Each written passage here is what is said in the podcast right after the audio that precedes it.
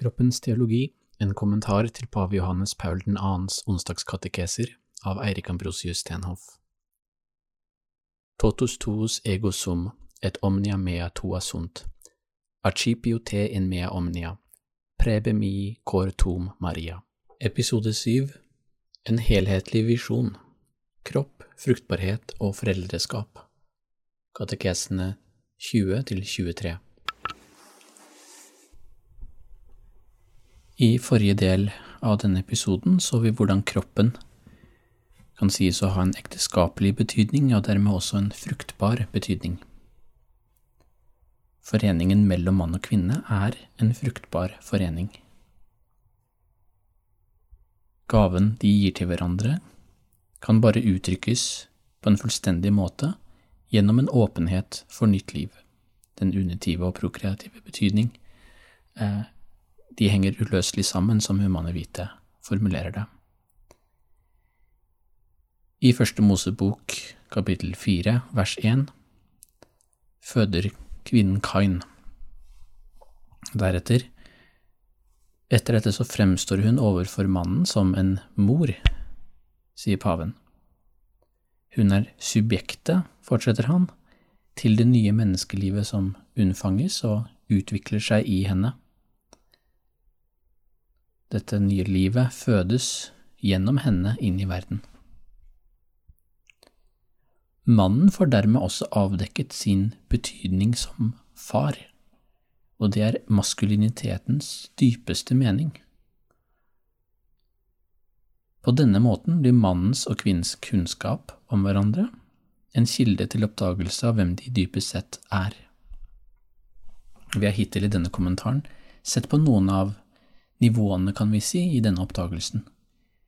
Vi har sett på de tre urerfaringene og på den objektive betydningen de peker mot, altså det som kalles kroppens ekteskapelige betydning, med et ord som er eh, noe fremmed for oss på norsk. Så det faktum at kroppen er et tegn på Guds kjærlighetsfulle skapelse, og, som vi senere skal se, på Kristi forening med Kirken, betyr at den også har en fruktbar mening. Og denne fruktbarheten er uttrykt gjennom biologien, kan vi si, gjennom kroppen, men ikke på en uttømmelig måte. Mannens og kvinnens kroppslige struktur er åpenbart forskjellig fra hverandre, sier paven, men bare i en begrenset forstand, på utsiden av kroppen, så å si. Altså, morskapet kvinnens evne til å unnfange og bære frem et barn, er i en viss forstand i større grad en indre realitet. I den forstand at barnet unnfanges og, og næres inne i kvinnen.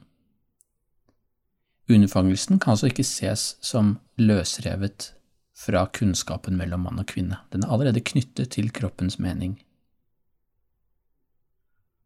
Gjennom denne kunnskapen blir det også mulig å virkelig gi seg selv til den andre.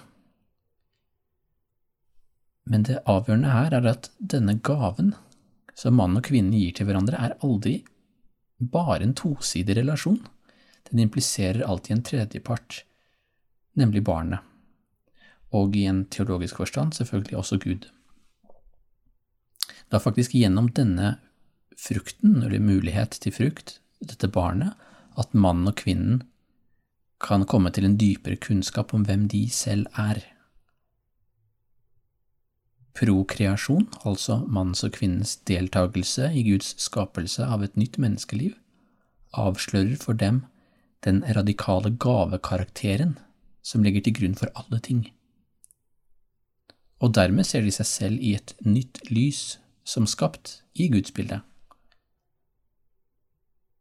Paven sier at citat, kunnskap i en bibelsk forstand betyr at menneskets biologiske bestemmelse når det gjelder dets kropp og kjønn, ikke lenger er noe passivt, men det når et nivå og et innhold som nettopp gjelder selvbevisste og selvbestemmende personer. Derfor bærer den, altså biologien, i seg en bestemt bevissthet om kroppens betydning, som knyttet nettopp til farskap og morskap. Sitat slutt. Paven mener altså at en vesentlig del av menneskets erkjennelse av seg selv går gjennom foreldreskapet, kan vi si. Og foreldreskapet er, som vi skal se, naturligvis uttrykt på en særlig måte i biologisk foreldreskap, der mannen og kvinnen kommer sammen og, fører et nytt liv inn i verden. Men kallet til farskap og morskap gjelder i en analogisk forstand, en avledet, men en reell forstand, alle mennesker, som en del av vår modning, som mann og kvinne, skapt i Guds bilde. Å være mann er å være far, og å være kvinne er å være mor, i en forstand.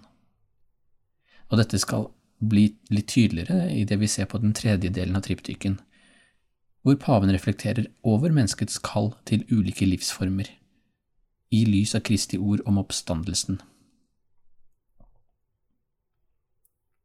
Så før vi ser mer på morskapets betydning hos Johannes Paul 2., kan det være hjelpsomt å stanse ved noen kritiske spørsmål som har reist seg om foreldreskapet i vår kultur, altså både farskapet og morskapet.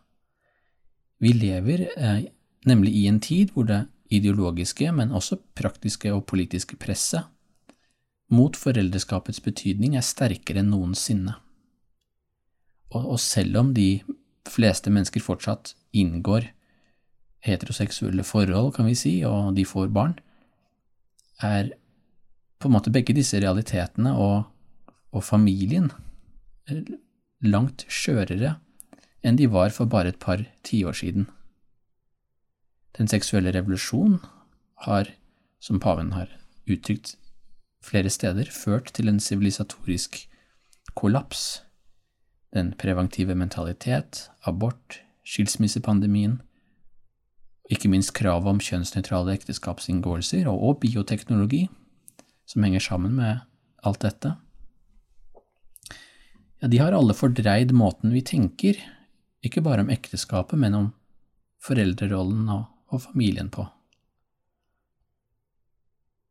De nylige eksemplene er mange. Stadig flere politikere, byråkrater og kommentatorer omtaler foreldre som omsorgspersoner eller en mor og far, for dermed å unngå diskriminering av for eksempel likekjønnede foreldre eller andre adoptivforeldre. Men dette eufemistiske språket ender med å tildekke, tilsløre, ikke bare morskapets og farskapets juridiske status, men deres biologiske og ontologiske betydning. Noen av de toneangivende radikale tenkerne i det forrige århundre bedrev en langvarig strid nettopp mot far og mor som sosialt menneskelig betydningsfulle størrelser. Holder å stanse ved, ved et eksempel, eller, eller to. Um, filosofparet Jean-Paul Sartre og Simone de Beauvoir skrev om farskapets og morskapets trusler mot mennesket. Sartre brukte deler av sin selvbiografi, Le Mot, ordene på norsk, til et oppgjør ikke først og fremst med sin egen far, som døde mens Jean-Paul var svært ung, men med farskapet som sådan. Sitat Det fins ikke gode fedre, det er regelen. Man bør ikke refse mennene for det, men heller selve institusjonen, farskapsbåndet. Det er råttent. Å lage unger er greit nok, men å ha dem, for en urimelighet. Sitat slutt. Uansett hvor alvorlig vi skal ta Sarts anklager mot farskapsbåndet her, så uttrykker de noe karakteristisk ved den moderne ånd. Mennesket vil være fritt, og det innebærer, tror vi, at vi må bryte med det fjerde bud farskapet, eller, eller patriarkatet, som nettopp betyr fedrestyre, må altså kastes over bord for å vinne denne frihet. Det bibelske perspektivet er, som vi vel vet, helt annerledes. I Gratissimam Sane skriver pave Johannes Paul at hele universet er innskrevet i Guds farskap som er det et kilde. Hele universet er altså innskrevet i Guds farskap, og han viser til Efeserbrevet kapittel 3, som sier at Faderen har gitt navn til alt farskap på jorden. Paven legger også til morskapet. Altså, Faderen har gitt navn til alt farskap og morskap på jorden. For, som han skriver, morskapet og farskapet forutsetter hverandre på en gjensidig måte. De har selvsagt begge sin kilde, dypest sett, i Faderens skapergjerning. Pavens meditasjon over morskapet kommer til sitt mest fullstendige uttrykk i det apostoliske brevet Molieres Dignitatem fra 1988. Kvinnens morskap som en deltakelse i Guds skapelse tar, som paven skriver her, en, en helt bestemt form. De biologiske prosessene som kvinnen gjennomgår, og som bidrar til barnets utvikling og dets næring i morslivet, viser oss dette.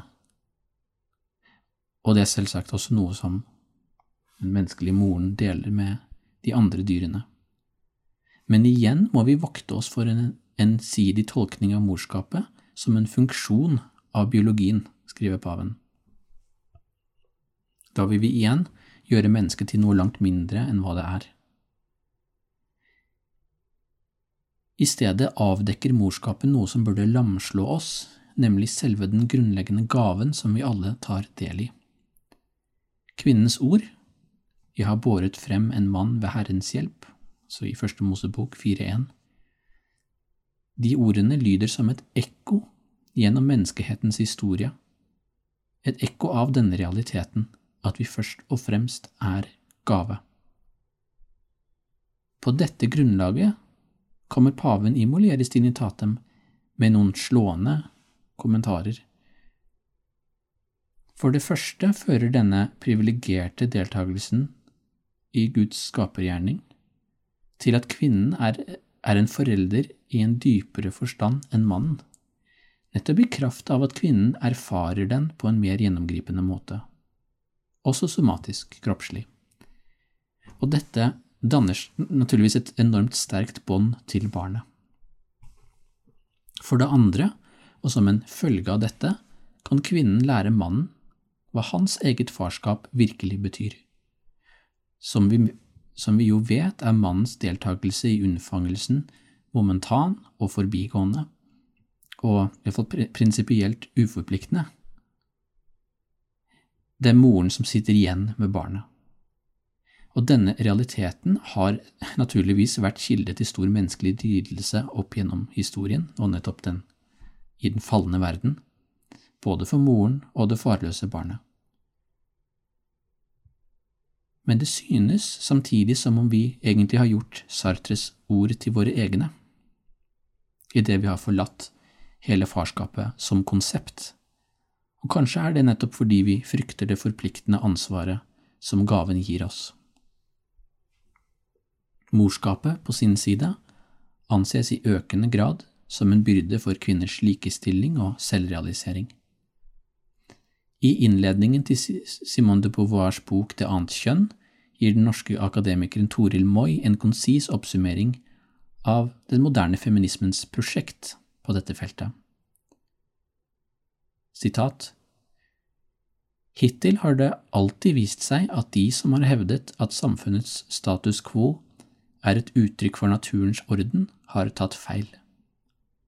Det annet kjønn er et kampskrift mot slik biologisk determinisme. Den utbredte tendensen til å definere alle kvinner som mødre eller potensielle mødre er regulær heteroseksisme og fører til diskriminering av lesbiske kvinner. Ingenting er mer ødeleggende for kvinners frihet til å definere sin seksualitet som de vil, enn myten om at den ekte kvinnen er feminin, heteroseksuell og full av mors instinkt. Sitat slutt. Det er mangt i dette sitatet som kan kommenteres og problematiseres. Det viktigste i denne sammenheng er det fiendebildet som her skapes av, kvinnens ikke bare biologi, men kvinnens morskap, og det er også et viktig poeng i den første delen av Beauvoirs feministklassiker. Avvisningen av morskapet har, som vi også ser, en maktdimensjon. Den avdekker en underliggende motivasjon om at mannens liksom ubesværede forhold til forplantningen, til relasjoner og til barn, som frigjør ham til å søke økonomisk og sosial frihet, er et ideal som egentlig bør følges. Så likestilling handler om å ha adgang til den samme friheten, makt til frihet, og frihet til makt. Og alt dette er stikk i strid med det paven sier om morskapet. Morskapet handler for ham ikke simpelthen om biologi, men om en deltakelse i kjærlighet som uttrykkes gjennom kvinnens mulighet til å få barn. Så spørsmålet dreier seg ikke om biologisk determinisme, som Moi uttrykker det, men om den gavens frihet som paven snakker om, altså om oppdagelsen av våre kroppers sanne betydning, som faktisk frigjør oss til en sann realisering av oss selv, i tråd med Guds skaperplan. Og å kalle dette for biologisk determinisme er jo nettopp et uttrykk for at vi i vår tid mangler en adekvat antropologi å se disse dyptloddende fenomenene med. Våre kropper er verken en naturens byrde eller en sosial konstruksjon, men en gave, skapt til å uttrykke kjærlighet. Morskapet og farskapet er en eminent måte å uttrykke denne kjærligheten på. Og i hvert nytt menneske, sier paven i onsdagskatekesene, så reproduseres det samme Guds bilde som mennesket var skapt til fra begynnelsen av. Deltagelsen i dette mysteriet er sant frigjørende både for mann og kvinnen. I siste del av denne episoden oppsummerer vi urerfaringene og hvordan den adekvate antropologien som paven presenterer for oss, virkelig har kraft til å endre hvordan vi tenker. Patri et filio et spiritu sancto, sicut erat in principio et nunc et semper, et in secula seculorum. Amen.